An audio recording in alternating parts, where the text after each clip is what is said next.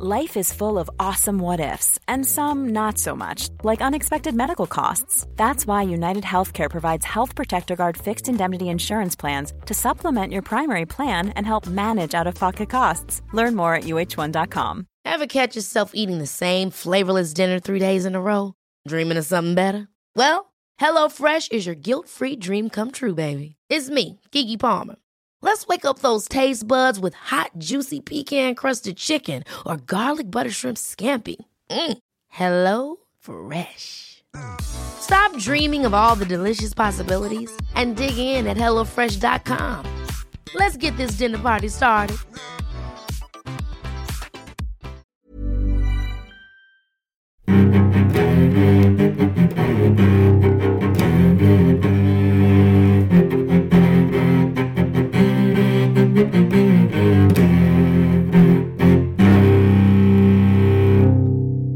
CSR-podden med Åsa Stenborg och Torbjörn Olofsson. Välkomna till CSR-podden där vi fördjupar oss i frågor om CSR, CR, hållbarhet och ansvar för företag och så vidare. Eh, som ni vet så träffar vi olika personer som eh, ja, är kända inom den här sektorn, den här ankdammen som Åsa brukar säga. Ehm, och idag så ska vi prata med Teddy Falkenek som är chef för samhällsengagemang och sponsring på ICA. Det är ju lite utanför ankdammen. Jag tycker att vi har vågat oss ut till granndammen som är varumärkesbyggare och marknadsförare. Mm. Men vi lyckas ändå binda ihop dammarna tycker jag. Vi gjorde en liten sån här å emellan för att diskutera just hur varumärken har med hållbarhetsarbete att göra och hur reklambudgeten eventuellt ska präglas av eller inte präglas av hållbarhetsfrågor. Mm.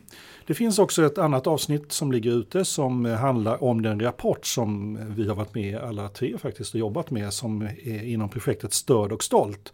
Och eh, det är en rapport som heter Hur störd får man vara i ert varumärke? Och den kan ni gärna lyssna på och ladda ner eh, själva rapporten på www.stårdochstolt.se. Den handlar ju om normifrågasättande reklam. Just det. Vilket vi tror är marknadsföringsavdelningens stora hållbarhetsansvar. Men nu Teddy Falkenek. Eh, välkommen hit Teddy. Tack så mycket. Eh, du är ju numera chef för samhällsengagemang och sponsring på ICA. Vad, vad, vad gör du en vanlig dag på jobbet? Eh, en vanlig dag på jobbet skiljer sig åt väldigt mycket. Den handlar om att allt ifrån att träffa de samarbetspartner vi har eh, till ICA, kan vara Röda Korset, Svenska fotbollsförbundet, andra aktörer, sådana som gärna vill bli partners till oss. Eh, till att handgripligen vara med och se till att en kampanj kring exempelvis cancerfrågor, Rosa bandet är aktuellt nu, att den görs och får sina beslut tagna så att den kan drivas igenom på det sätt som vi gör det. Så det, det är ett rätt så mångfacetterat jobb och, och det är få dagar som liknar varandra. Vi har ju uppfattningen att du är en av dem som verkligen kan allting om ICA. Stämmer det? Allt. Allt. Allt. Du, är en av, nu, nej, men du är en av dem som är verkligen kunniga på bred front om, om ICA. Hur länge har du varit på ICA förresten? Jag börjar väl med din andra fråga då i så fall. Ja. Men jag har varit 31 år på ICA så ur den aspekten är det klart att jag borde kunna i alla fall förhållandevis mycket. Och ja, eh, jag känner systemet och har jobbat i olika delar av verksamheten. Jag har haft ICA-butik själv. Eh, jobbat med sortiment och inköp, inköpschef under en period. Eh, jobbat på marknad i många år eh, totalt med vårt kommunikationskoncept. Eh, men nu, just det du sa, då, för samhällsengagemangsfrågor på ICA. Mm. Är det många på ICA som har jobbat så länge? Är det ja, men ICA är ett rätt så, det är rätt många som har varit länge på ICA. Nu kanske 31 är långt då, men uh, börjar man i butik så brukar man ju oftast göra det strax under gymnasiet eller efter gymnasiet. Då blir det rätt länge. Och vi har många som har varit länge, men många är trogna. Jag har ju anledning att tro att du började innan butik för jag vet ju att du är uppväxt till föräldrar som hade en Absolut. Så är det. Ibland eh, när jag försöker beskriva hur det var. Så jag uppväxt och suttit på en dryckesback på eh, lagret och en upp och nervänd sådan och läst serietidningar i, i många timmar också. Så att, eh, I hela absolut. ditt liv? Liksom. I hela mitt liv, ja. Vad var din favoritserie? Vilken ja, var Kalanka har varit en favoritserie, absolut. Läser du Kalanka fortfarande? Nej, det gör jag inte. Nej, det, ja. Jag har faktiskt en storbror som gör det, som prenumererar fortfarande. Um, vi, vi, hade Maria Smith här och pratade om ja. um, arbetet på ICA, så vi kan väl en del om det redan. Men då försökte jag fråga henne vad som är typiskt för en handlare, för jag tror att det är en lite speciell grupp. Vad skulle, vad skulle du säga är typiskt handlarmentalitet? Eh, typisk handlarmentalitet handlar väldigt mycket om att, tycker jag då, att engagera sig i sina kunder och vilja lösa små som stora problem förhållandevis direkt. Man är rätt så otålig som handlare. Man vill att lösningarna till det erbjudande som vi kallar det man levererar till sina kunder att det blir så bra som möjligt. Men man är också duktig på rutiner eller ser till att eh, sina medarbetare är duktiga på att ha rutiner. Att driva butik är både entreprenörskap men, och att se till att rutinerna fungerar. Jag frågade, när jag frågade Maria så sa hon att om du tycker någon, någonting om din butik så ska du prata med butikspersonalen och då blev jag, alltså, var jag allmänt cynisk och sa den kommer aldrig lyssna på mig. Eh, borde jag, borde jag säga motsatsen? Borde jag, ska man verkligen... Alltså dig som kund? Ja, men ja. det är ingen som lyssnar på mig. Nej, ja. Nej men borde, jag, borde man på, prata med sina handlare? Om du säger att de är duktiga på kund, eh, att tillfredsställa kunder, borde vi prata ja. mer med våra handlare?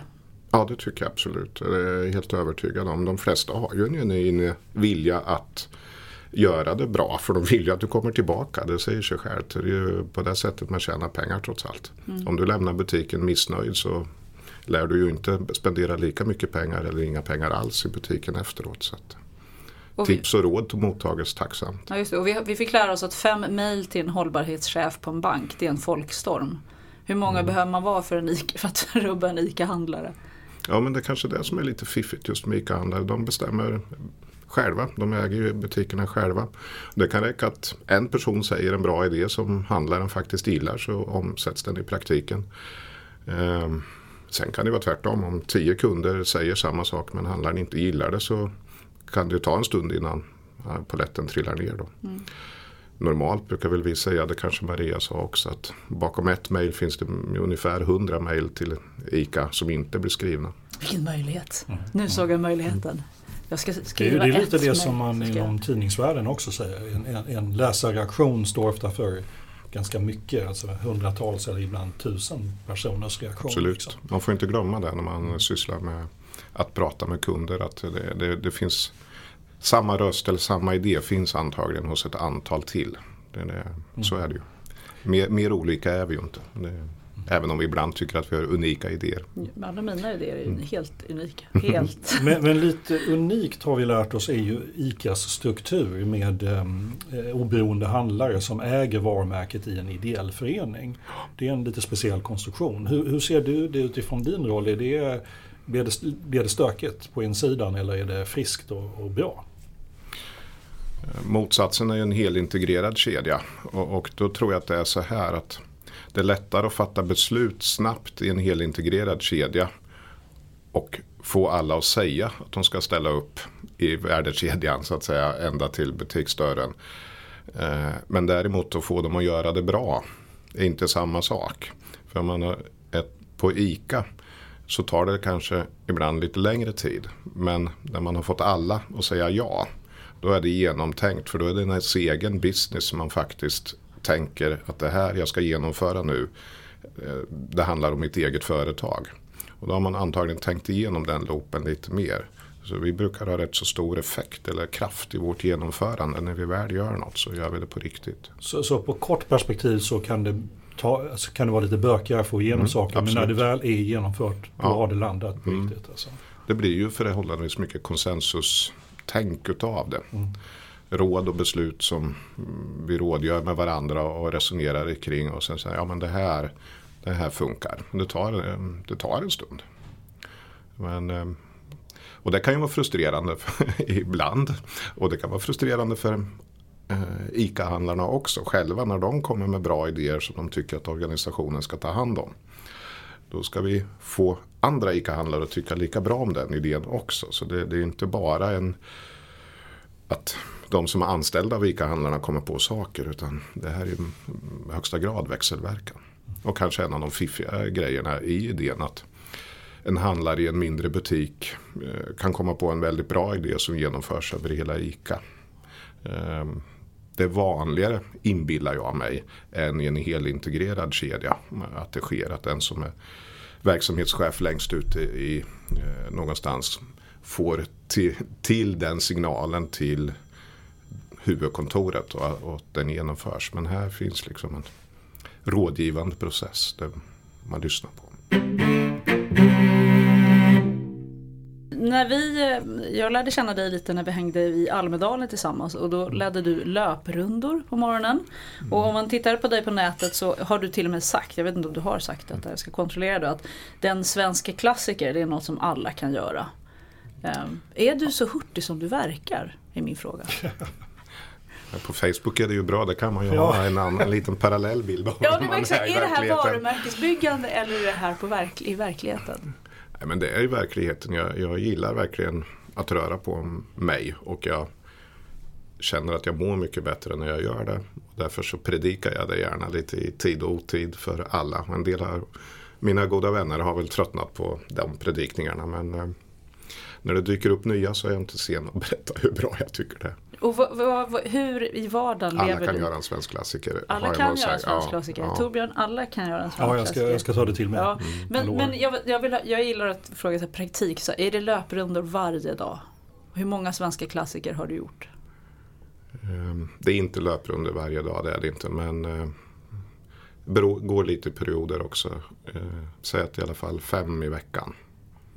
Eh, men det kan ju kombineras med cykel eller simning, skidor också. Ja, tre klassiker har jag gjort. Mm.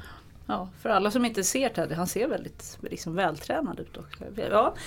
Tack, jag tror jag ser rätt så ordinär ut ur den aspekten. Så även det tror jag kan vara lite insäljande argument. Man behöver inte se ut som eh, en elitidrottare för att göra det på något sätt. Det är ju bara att man inte behöver ha sätta upp sådana tidskrav som man kanske gör de som har växt upp i idrottsvärlden och tävlade när de var unga. De, jag träffar ju många sådana som är i min ålder idag på olika lopp. Och det är klart att de har en annan approach till vad de vill uppnå med sitt lopp. Mm. Än många som kommer ifrån min sida att vi gör det mer för att insåg att min allmänhälsa måste förbättras. Då gör man det nog mer för att säga att ja, jag klarar av det här. Eh, om det tar si eller så lång tid är inte riktigt lika viktigt.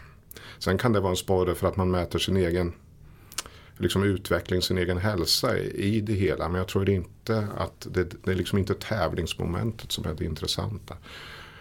Och om man får hänga lite i det en stund så kan jag säga varför ska man göra de här sakerna som är så långa, cykla 30 mil och så. Det behöver man ju inte alls. Men beteendeförändringen att när man inte har tränat regelbundet till att behöva göra det så behöver man en morot som är tillräckligt stor för att man måste ut och röra på sig för annars klarar man inte av det man har tänkt att göra. Skulle cykelloppet vara tre mil, ja då behöver man ju inte träna. För det kan alla egentligen cykla tre mil. Alla inom, ni förstår vad jag menar, men normalt. Nu vet jag inte om man pratar om oss Tor, det var där han tappade. Jag pratar absolut om er. och, och, och, Även vi kan cykla tre mil. Kan, ni förstår, det är just den här då finns det ju någonting som säger att ja, har jag bestämt mig för att cykla Vätternrundan då behöver jag faktiskt hålla igång min träning regelbundet för annars kommer jag inte må bra efteråt. Var det så du började? Eller? Ja, det kan man nog säga. Det var ett cykel, var det Vätternrundan? Nej, som... det var faktiskt Lidingöloppet. Ja, och det är väl en av de värre eller bättre. Hälsa, är det en stor, det är en stor fråga för dig överhuvudtaget? Ja, det är det. Mm. Och, det... och i, i, mitt jobb också, både och. Det, det, är kul att få jobba med sånt man brinner för. Så att, ja. Och det är ju en folkhälsofråga nu. Men om man skulle se vad är de största hälsoutmaningarna som vi borde greppa tycker du? Stillasittande. Mm. En av enskilt den största, att vi sitter alldeles för långt stilla för mycket. Man tänker att kroppen är egentligen byggd för att röra på sig. Vi, vi, har inte hängt med, vår genetiska utveckling har inte hängt med gentemot de jobb de flesta av oss faktiskt genomför, vad vi än gör. Vi är ju byggda för att röra på oss någonstans 5, 6, 7 timmar per dag.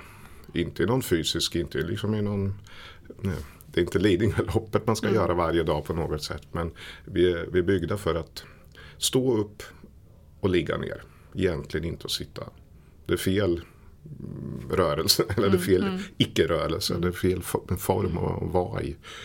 Um, här, här har vi kanske svaret på sakernas tillstånd, varför det är så fel. Med tanke på att om vi inte är byggda för att sitta och det är det vi gör mest av tiden. Så, mm. Ja. så det, det, är absolut en av de viktigaste. Den andra är att eh, kosten, eh, att vi faktiskt äter eh, för mycket, alltså volymen. Jag skulle nog säga att om man äter proportionerligt mot det energiuttag man har så kan man vara rätt fri i vad man äter. Det är inte sådär supernoga. Många går in i och tänker jag så här många kalorier. Eh, blir väldigt noga helt plötsligt med. Och sen tycker man att oh, jag orkar inte hålla ordning på allt detta. Men om man tittar på portionsstorlekar idag och för 20 år sedan. Och så säger man att då rörde vi oss inte heller så mycket för 20 år sedan. Mm. Men om någon omärkligt så har portionsstorlekar ökat över tiden. Så det är en bidragande faktor. Under bondesamhället när folk faktiskt rörde på sig på riktigt. Ja då kanske vi kunde hantera de här mängderna. De mängden fett, såser och annat som är. Eh, det, för då förbrände man det. Men nu när vi sitter stilla så förbränner man inte den takt man borde göra. Intressant. Det, det intressanta, vi, vi spelar faktiskt in den här podden på, idag är det Obesity Day, dagen för överviktiga. Och jag läste i morgonsorgstidningen att 13 procent av alla 7 till 9-åringar är överviktiga. Det är ju, så det här är ju verkligen, är det här en hållbarhetsfråga tycker du? Eller en CSR-fråga? Ja, det tycker jag. Det är, jag tycker det är en CR-fråga i allra högsta grad.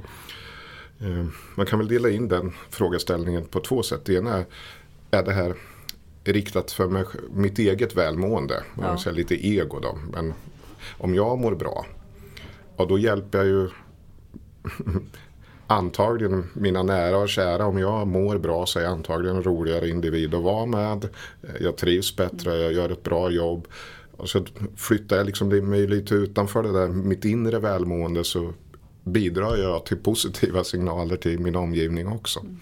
Men om vi flyttar ut det till ett mer makroperspektiv kan man ju säga att det, de samhällskostnader vi har för det dåliga eh, beteendet de vida överträffar rätt så mycket andra kostnader i samhället kring sjukdomar. Sådana som man faktiskt inte kan göra något åt. När man drabbas av cancer eller, eller vad det än är. Så eh, det är rätt mycket pengar som går till eh, eh, sjukvård och vård som egentligen inte skulle behöva göra det. Ja, hjärtinfarkt framförallt eller hjärt och kärlsjukdomar måste ju Absolut. kopplas direkt mot, mm. mot hälsa, stress mm. ja. eller antistressbeteenden. Nu säger jag i något form av makroperspektiv som jag hoppas att man har respekt för. Jag säger. Sen går man ner på enskilda individer så är det ju en helt annan sak. För varje, varje person som har drabbats det kan ju finnas orsaker som inte, jag vill inte liksom skuldbelägga någon enskild person i detta. Men, men det handlar ju väldigt mycket om hur vi i samhället ändå har låtit ett antal saker ändå fortsätta åt fel håll. Nu rör vi någonting där att det finns en känslighet när det gäller till exempel människors övervikt. Mm. Någonting som ofta dyker upp i debatten. Ja. Och eh, hur ser du på det? Är det att man skuldbelägger människor som har övervikt?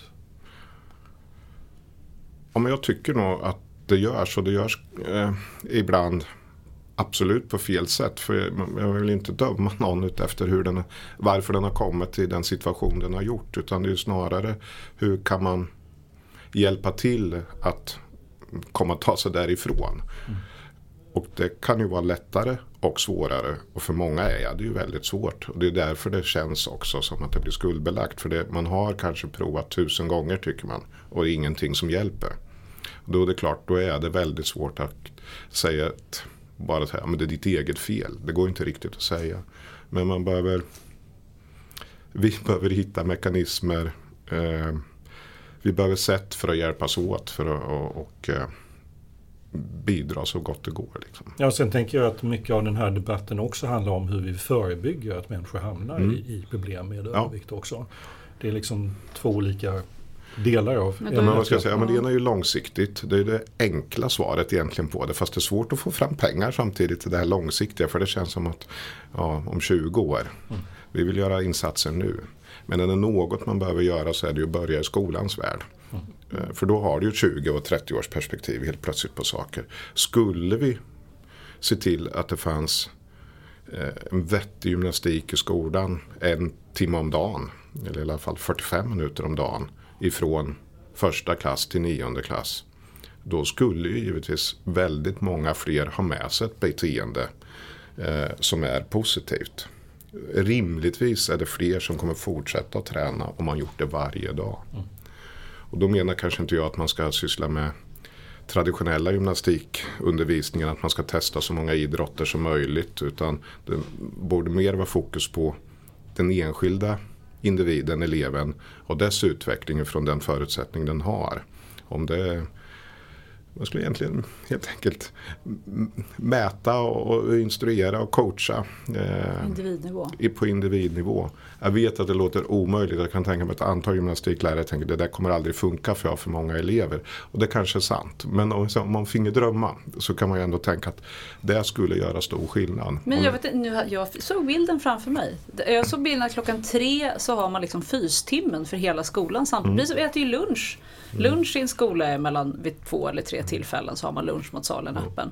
Varför skulle man kunna ha gymnastiksalen öppen men, mellan men tre med individuella och fem? PT per ja, elev? med individuella instruktioner. Var och en tar ansvar. Eller jag, du och jag, vi är en liten minigrupp av elever. Nu låtsade, gjorde jag om oss till mm. elever här i mellanstadiet. Och sen coachade vi varandra och vi kände till varandra. Vi är en liten coachande grupp så att man får till en gruppaktivitet. Det kan ju inte vara omöjligt. Nej, det finns ju exempel i Bunkeflo-projektet i Malmö som håller på i många, många år där man faktiskt har just en timme om dagen.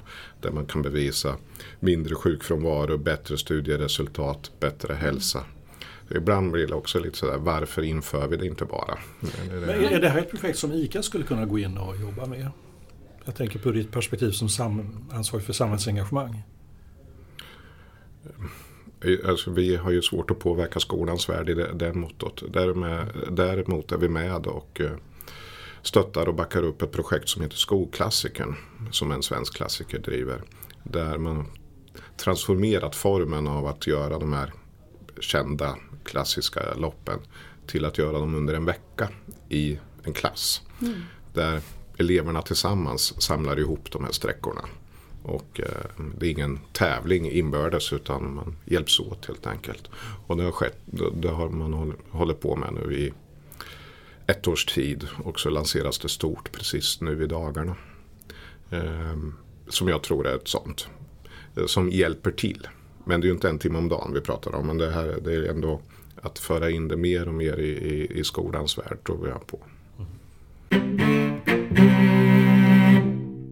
En sak som vi återkommer till när vi ska förändra samhället det är att vi alltid återkommer till skolan. Det känns som skolan är den sista gemensamma utposten. Förut var det skolan, radion och tv, värnplikten.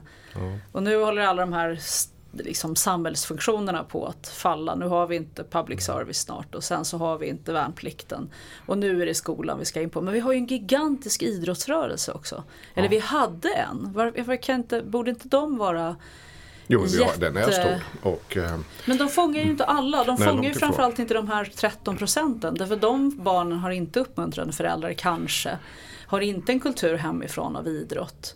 Eh, borde inte de på något sätt vara mer måna om att fånga? Jo, men jag tror att eh, eller tror, tror att faktiskt idrotten är väldigt mån om att fånga just ungdomarna. Och tittar man i ett antal kommuner så är nästan 100% av ungdomarna med i någon idrottsförening. Mm. Det är, sen faller det, alltså ju äldre du blir och skiftet högstadie gymnasium så är det många som slutar att röra på sig. Och det vet jag att idrottsrörelsen jobbar på. Att hur ska vi kunna förlänga så att säga, aktiviteterna och göra så att det fortfarande är intressant att, att idrotta. Eh, eh, samtidigt knepigt med en del strukturer inom idrotten. Eh, många vill inte syssla med exakt samma idrott hela tiden. Och är man 16 år och kommer in i en ny idrott så är det där kanske redan är svårt. Därför att de ungdomarna som är 16 de håller på länge med sin idrott. Så det finns ett antal vägval som, och jag vet att idrotten håller på med det. Men där, däremot är det hur får man vuxna att ha nytta av idrotten? Det, den, den tar, kommer nog ta lite längre tid att, att lösa. Men för går vi till, tillbaka så att du sa att ja, men skolan, där ska vi göra allt. Ja, det är ju enkelt därför att det, Ja, det är obligatorium. Där Eh, det påverkar inte dig eller mig Nej. eh, Nej, och just vår det. vardag. Utan det är någon annans vardag, det bra, ja. barnens vardag. De är ju lätta att påverka. Men hur får vi beteendeförändringen hos vuxna att bli utan att man känner sig påhoppad eller pekpinnar. Utan man, hur ska man göra en jag, den beteendeförändringen så att man lever ett hälsosammare liv och faktiskt permanentar det. Men det känns ju inte som idrottsrörelsen är så intresserad av. Jag har inte fått en enda lapp i min brevlåda om att jag ska gå med i det lokala fotbollslaget. Medan Nej, idrottsrörelsen är ju mest intresserad av dig som förälder, förälder ja. eh, bidra till att och hjälpa till och stötta, inte så mycket röra på det. Så är det ju eh, fortfarande. Men eh, ja, det kommer nog ta tid. Men det, jag tror vi behöver andra, eh, andra sätt att lösa det för vuxna. Du eh, har varit med på något som heter Top Packing Summit 2014 och då så fick du frågan på, du fick frågan hur ser framtidens förpackning ut och du svarade ingen förpackning. Jag, jag, dels måste jag ju bara sända en liten så här beundrande ros för att det är otroligt roligt att svara det när alla i publiken representerar förpackningsindustrin. Eh, Men jag var lite nöjd med det faktiskt. Ja, jag förstår.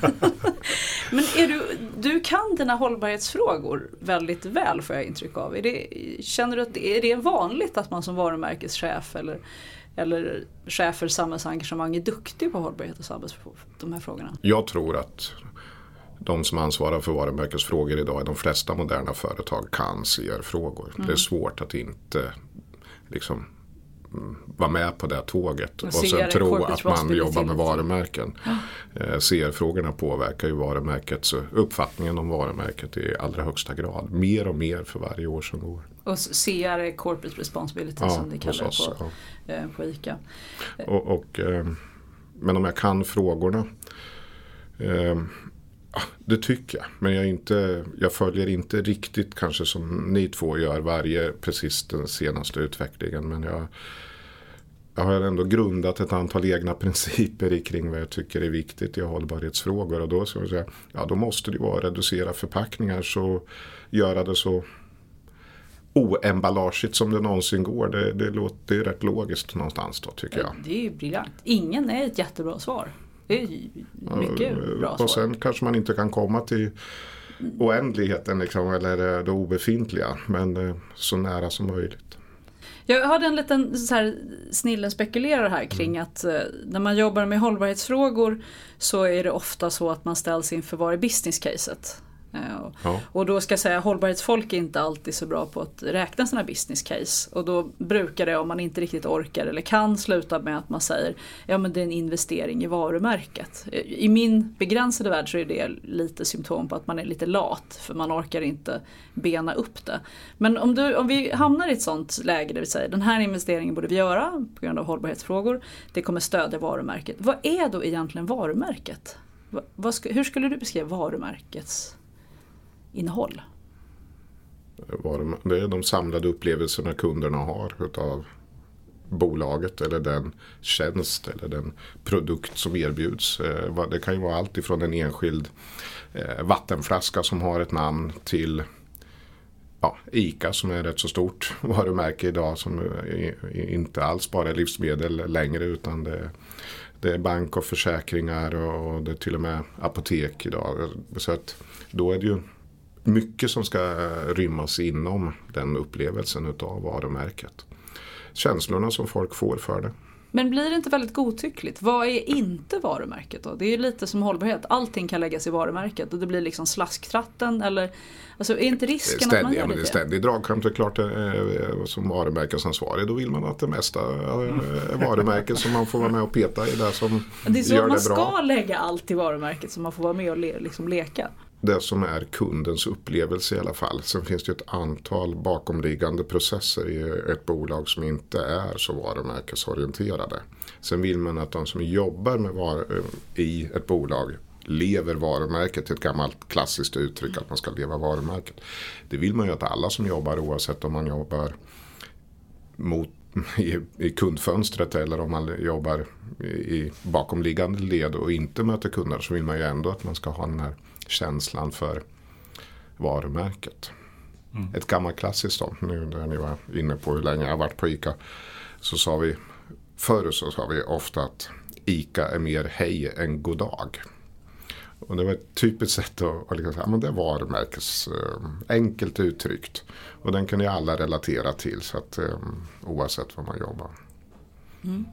Men det är lite flummigt om du tittar. Sen kan vi gå till ett antal analysföretag som kan bena upp det här och sätta göra Excel-ark och mäta och fråga och göra oerhört mycket statistik av det. Och då ser man ju om varumärkets styrka växer eller blir svagare. Om man blir uppskattad i, CSR-frågor eller kundbemötande. Vad det, är. det går ju att göra mängder av. Eh, jag tror ändå det handlar väldigt mycket om att skapa ett gillande. När vi pratar just om varumärken mm. så, så, gör man ju ofta väldigt stora investeringar ifrån företagens sida. Både i, i reklam och andra varumärkesåtgärder. Och ibland kan man utifrån uppleva att det inte alltid är så tydligt effekten av de här investeringarna man gör. Men, men det är ju väldigt få som kommer på tanken att skippa allt det där utan man, man behåller de här investeringarna man gör. Och hur lyckas man behålla det här intresset för för de här frågorna. Men jag, jag, är inte helt säker på om man gör så tunga investeringar i varumärkesfrågor. Jag tycker ändå över tiden, jag, jag har jobbat med kommunikation ja, rätt länge nu. Eh, då tror jag att man gjorde mer den här typen av uppdelning. Att varumärkesfrågor, de fick en budget och så drev man att bygga varumärke som man kallade det. Och sen så drev man försäljning och så gjorde man det. Och det var rätt så täta skott emellan. Mm. Jag tror inte riktigt att det är så idag utan jag tror att de flesta ändå inser att eh, sälja är någonting så bygger It's that time of the year. Your vacation is coming up. You can already hear the beach waves, feel the warm breeze, relax and think about work. You really, really want it all to work out while you're away. Monday.com gives you and the team that peace of mind. When all work is on one platform and everyone's in sync, things just flow wherever you are. Tap the banner to go to Monday.com.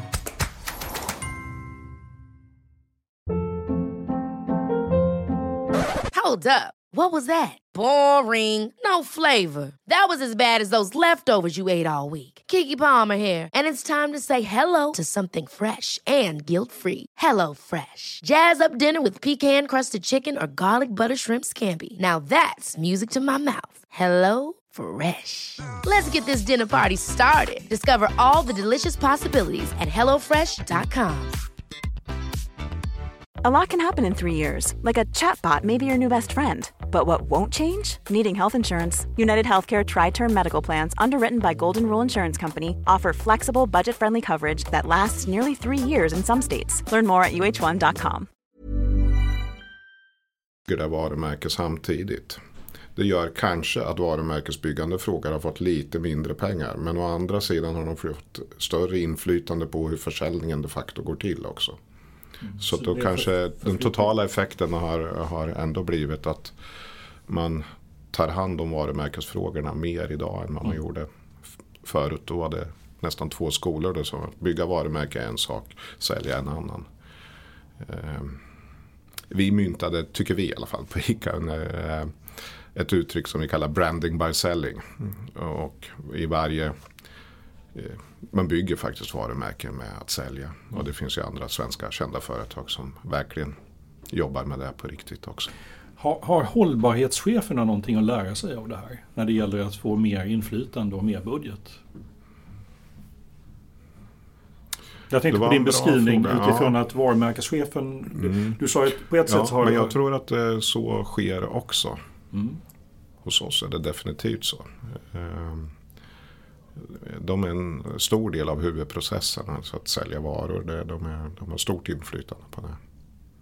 På ICA. Jag, jag har svårt att relatera till andra företag hur de jobbar. Så, så det blir sustainability by selling? Mm. Ja men det är jättebra. Ja. Det är dit. Ja, det är Åsa svarar på det. det är superbra. Ja.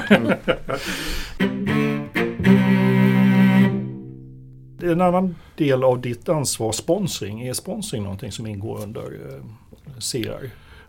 sponsring är ett verktyg egentligen för att eh, eh, leverera gillande. Det är att köpa associationsrättigheter. Så det är mer att verktyg i sponsring finns eh, på min avdelning som vi ansvarar för. Mm. Så det är inget särskilt till för att göra detta.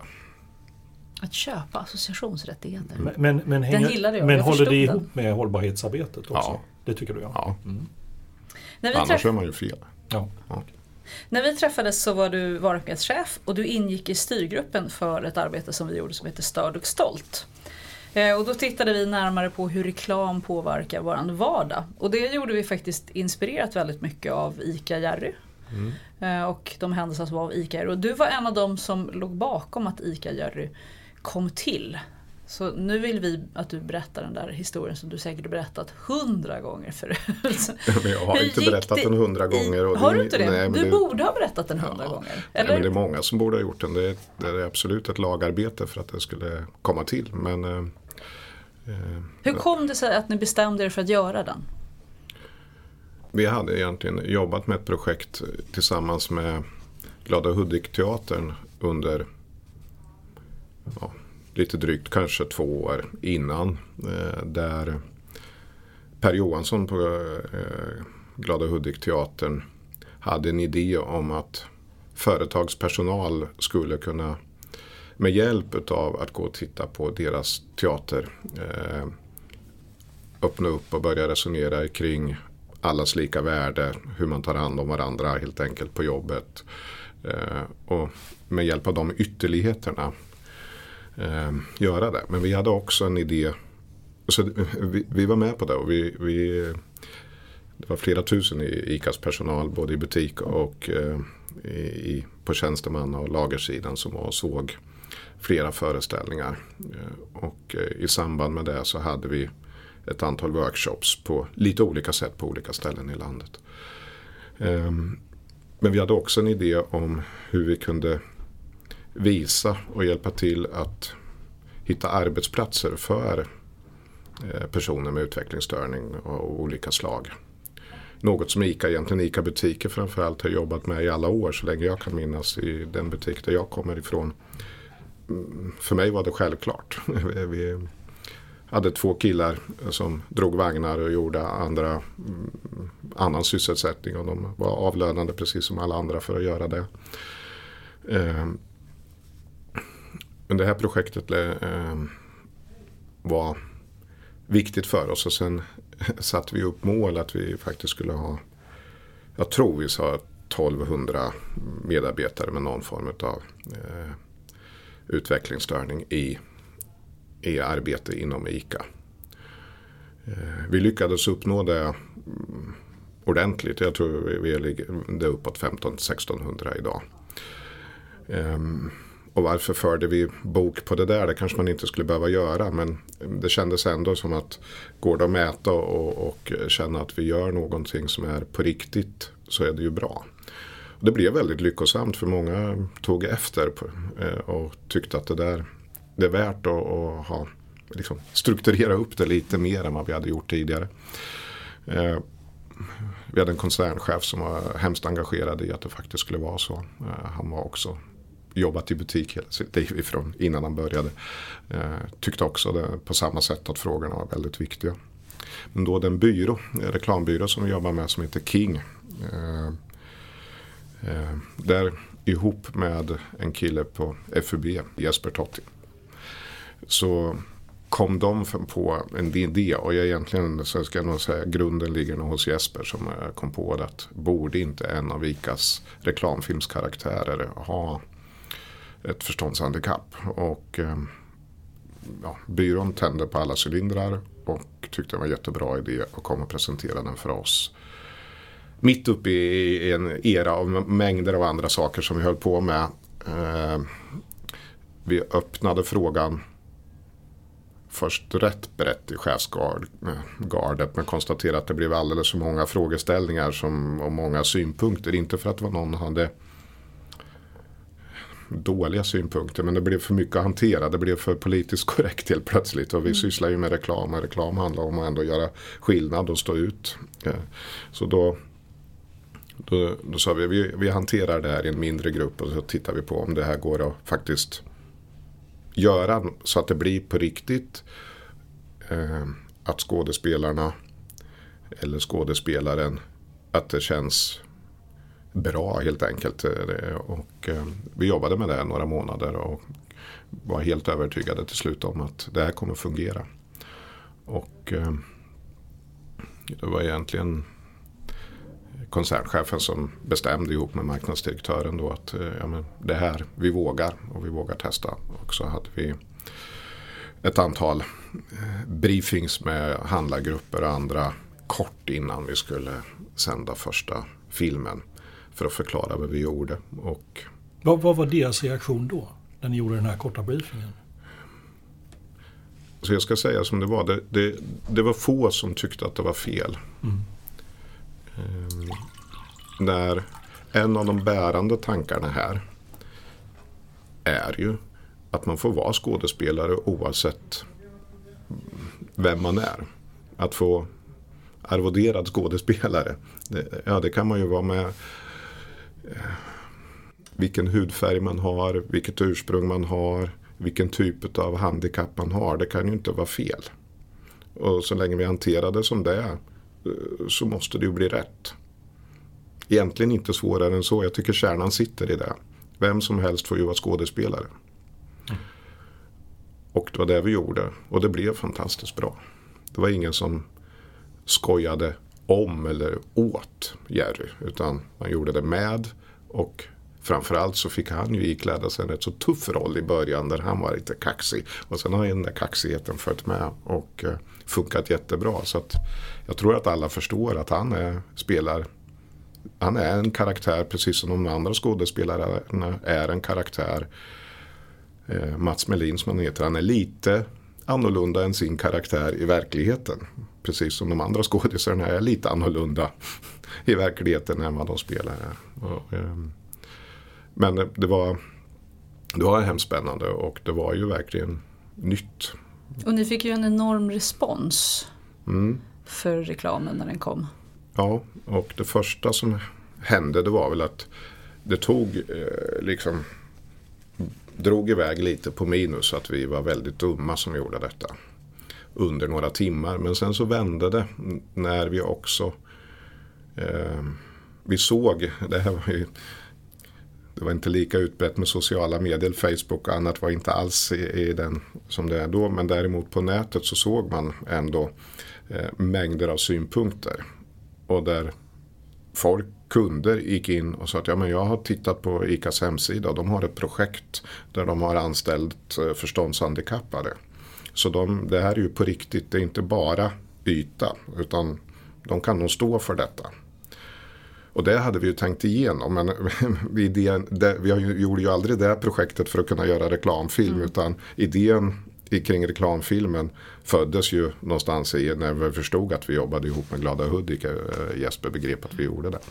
Så där någonstans eh, bottnade. Och det tycker jag.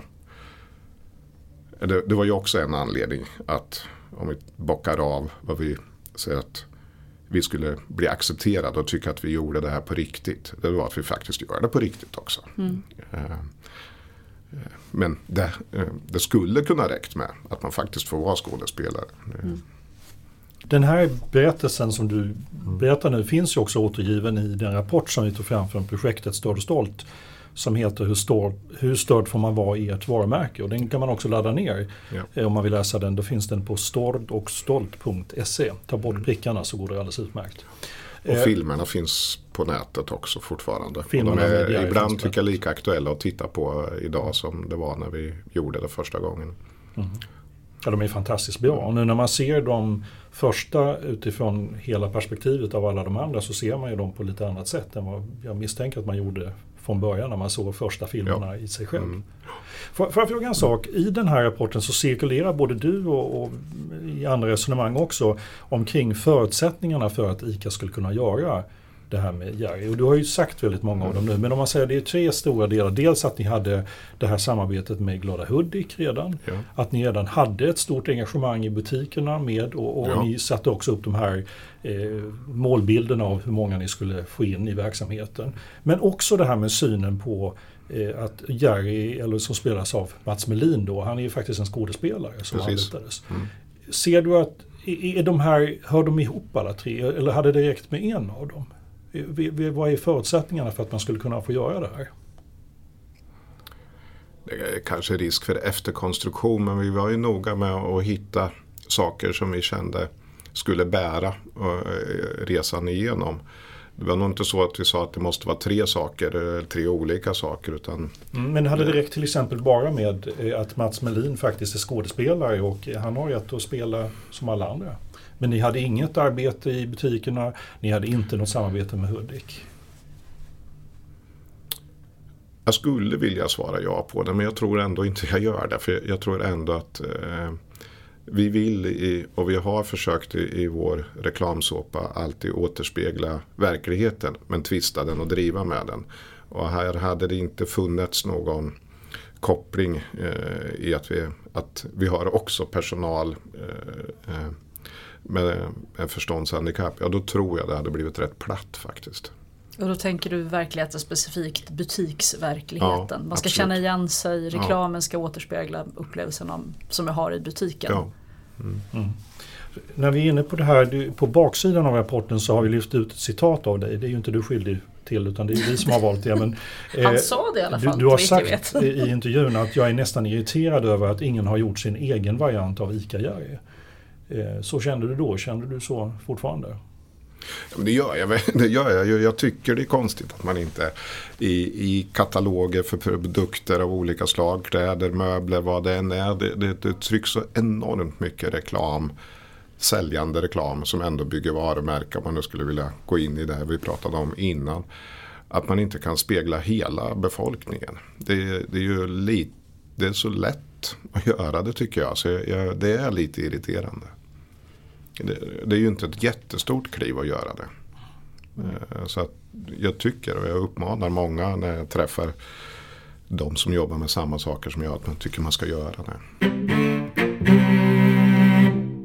Utöver att ni fick Guldägget för reklamkampanjen så har du också varit Störd och stolt-priset för reklamkampanjen. Vi vill lägga det ungefär samma kategori mm. av pris.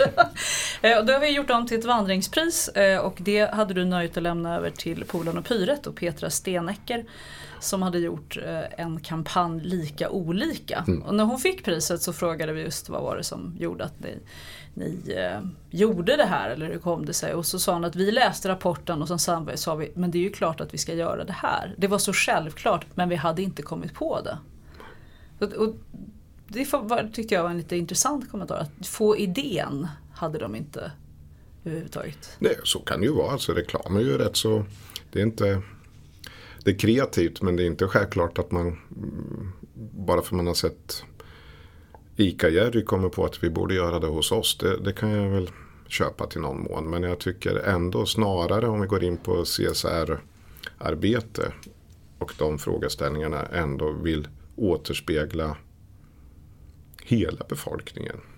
De, framförallt de varumärken som jobbar med att vända sig till de många och inte någon specifikt nischad grupp. Ändå då är det ändå svårt att se att man inte har kommit på det oavsett. Liksom. Det är kanske för att man pratar för lite med sin hållbarhetschef då. Det var ju våran selling by, sustainability ja, by selling. Att, det kanske inte är så att hållbarhetschefen har kommit på det heller. Då. Nej, det kan, ja, mer hållbarhetschef. Jag har faktiskt med mig, nu prasslar jag så här härligt mycket i mickarna. För jag tycker på sistone har det ändå kommit lite så här som börjar kvala som normifrågasättande mm. reklam. Och jag har med mig två exempel nu som jag prasslar fram. Det ena heter Sjukskrivning är inte svart eller vitt och då handlar det om laget Sverige. Och det är en reklam från Försäkringskassan. Och det är väl tanken att alla ska vara med i laget Sverige. Och sen har vi det som har kanske debatterats lite mer i media och det är Bryt klädmaktsordningen. Där Åhléns går ut och eh, klär på män kvinnokläder och kvinnor manskläder. Är det här bra? Nu, ska jag, nu öppnar jag ett diskussionsforum. Är det här bra ifrågasättande? Eh, är det här, skulle du säga att det här är Jerry, liksom? Jerry-klass? Nu ser alla väldigt fundersamma ut. Ja, väldigt fundersamma. Nej, men eh, jag tycker nog det är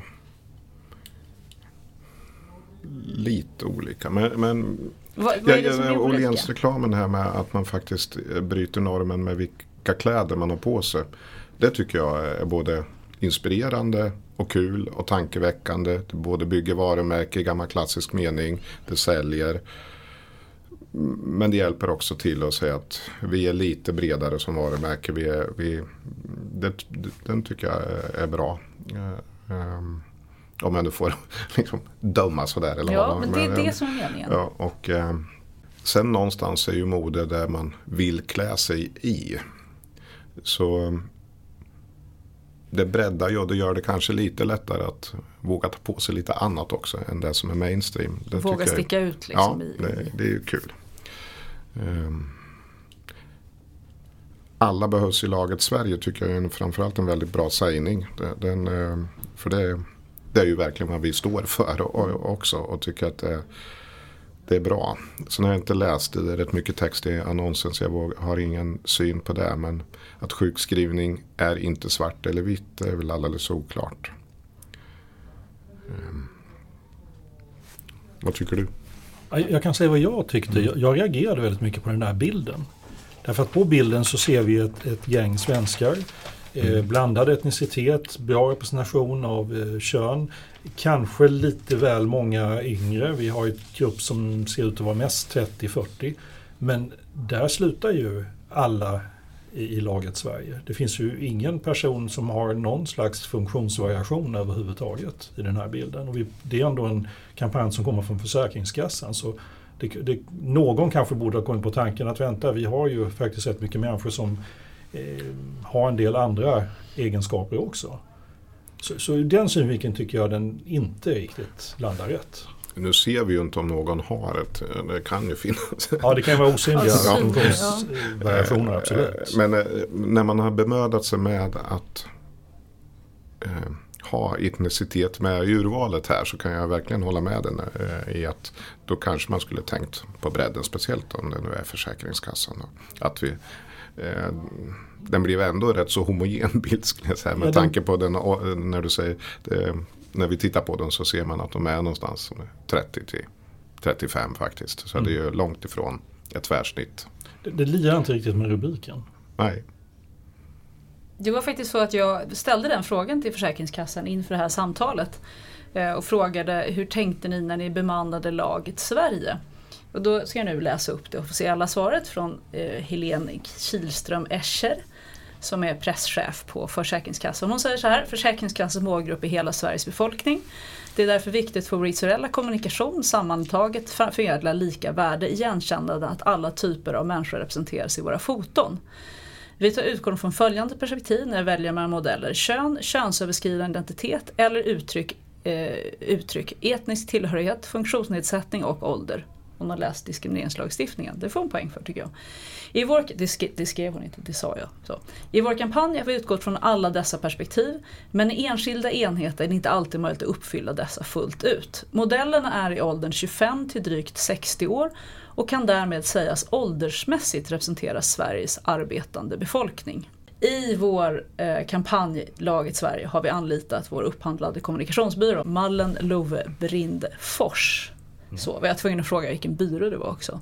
Så här har man tagit åldershänsyn i den här bilden. Alltså det är ju lätt att man hamnar i att slå ner på reklam och ha en massa åsikter om det. Men, men eh, nu, nu har vi tittat på dem utifrån just de här perspektiven och de här glasögonen. Och eftersom rubriken också tar den lite kaxiga positionen att alla behövs i laget Sverige. Och då utifrån den här stöd och stolt perspektivet och med synen på att synliggöra den här gruppen av personer med funktionsvariationer. Så det är ju där vi inte tycker de har landat riktigt rätt. Och så kan det vara också.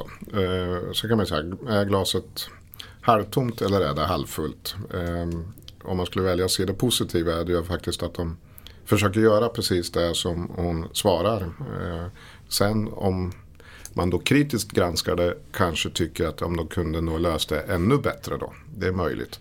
Men samtidigt, det är ju bättre än en annons där det inte finns någon med överhuvudtaget. Eller bara män. jag tycker, ja, men jag, jag, tyckte jag, jag, det väldigt om man, om man är ärlig så har man ju sett kanske både sämre och tråkigare annonser ifrån Försäkringskassan än denna. Mm. Samtidigt så skulle jag ju säga, om vi går uppströms, för jag tycker att en av historierna bakom Jerry-fallet som har öppnat ögonen för mig. Det är ju att bakom er mm. varumärkesbyggare och så finns det en levererande byrå. Och bakom dem finns det en castingpersonal och bakom, det finns en hel näringskedja. Mm. Och, och, Men det är uppdragsgivaren som bestämmer. Så Ja, det man, man det, kan aldrig absolut. skydda sig med att byrån gjorde Nej, nej. på ett eller annat sätt. Utan vet det, vad man kan skydda sig med byrån. Ibland tycker jag bara man skyddar sig med byrån. ja, men det, det, det är ändå, det Nej men slår det ju köper tillbaka jag. på en själv. Men jag tror inte du att, att eh, också byråerna behöver komma med idéerna. Och det som kom upp i Polan och Pyret-fallet det var att vi hade, när de beskrev varför har vi inte tänkt på det.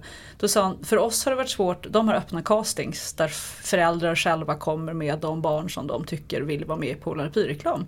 Och det kommer väldigt sällan barn med någon form av, liksom, snällt uttryckt, avvikelse. Så på något sätt så, så handlar det kanske också om att hela näringskedjan måste gå med på det här. Så hade, och det var därför jag frågade efter reklambyrån. Vi borde, precis som, vi, som guldägget gick till byrån lite grann så borde vi kanske få vilka är byråerna som klarar av att se hela samhället.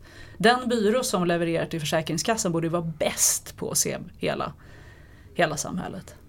Är det en, har jag lärt Ja, men mig jag något? tycker det är ett gemensamt ansvar för oss Okej, alla. ja, ja. Det, det går, eh, jag tror inte det går att lägga på någon, enskilt på någons axlar.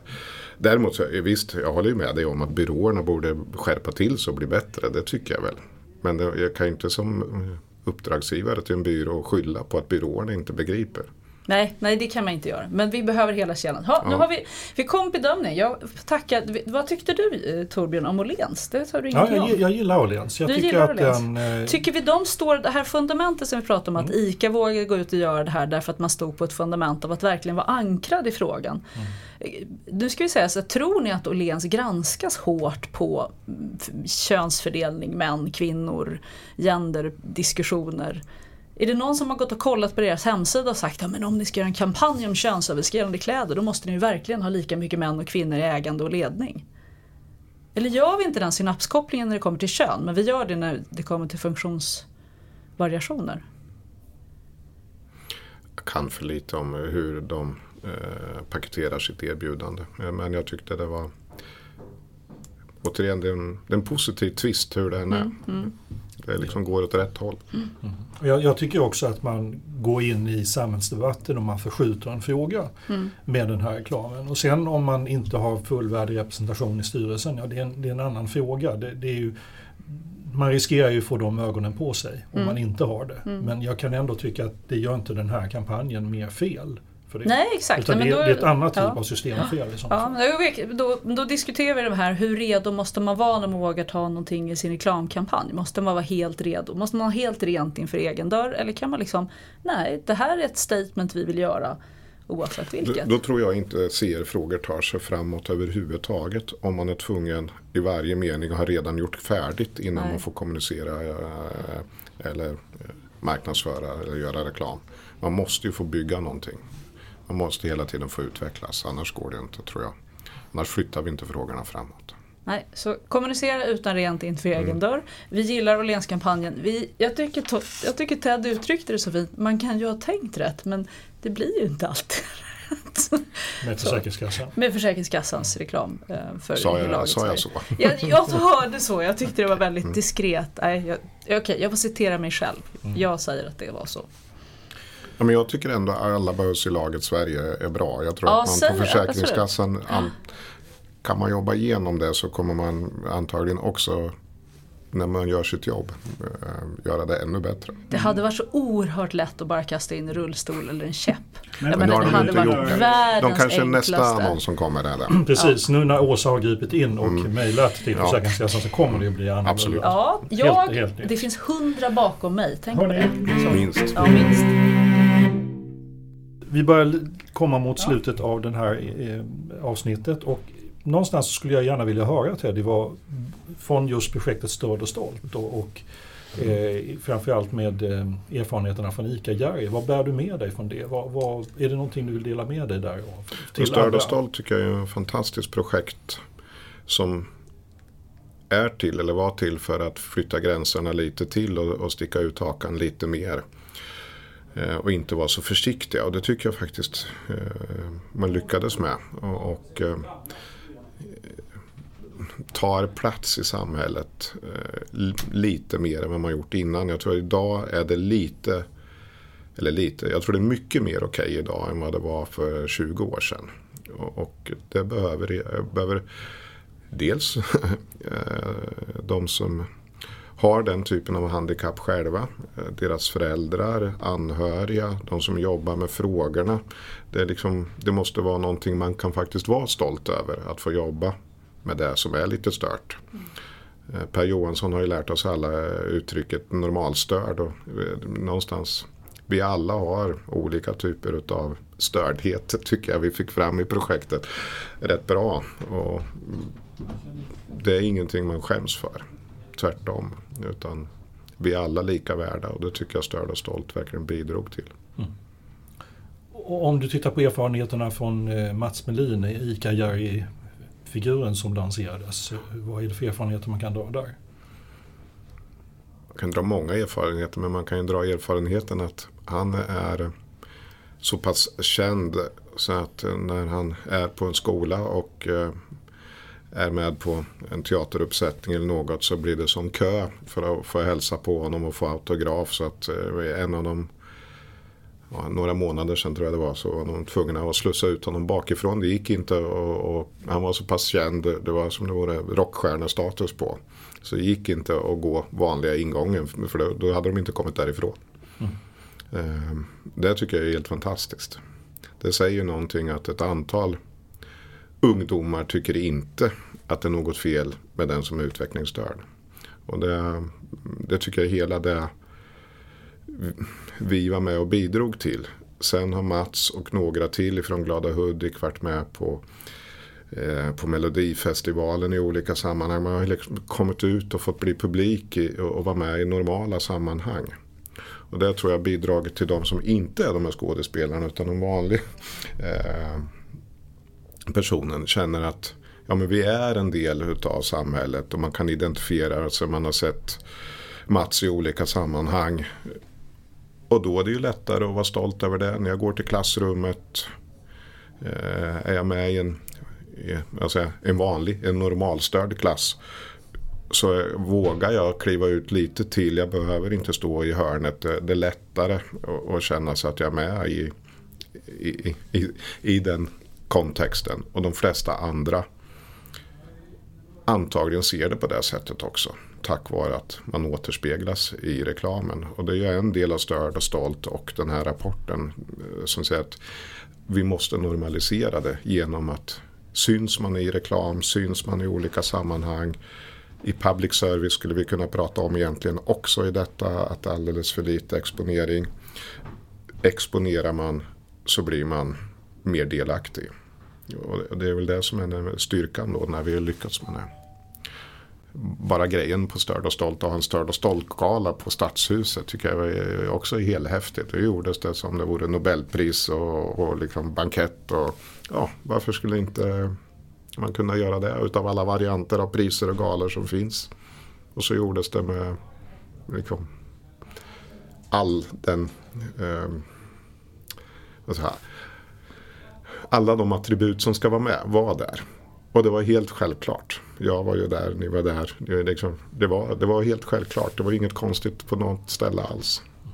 Tycker jag. Och jag hoppas ju egentligen att vi ska göra den där galan igen. Mm. Då ses vi på galan igen. Då ses vi på galan igen. Mm. Eh, stort tack Teddy för att du kom hit och pratade om de här frågorna. Det var ett nöje. Tack så mycket. Jättekul att få vara här. Mm.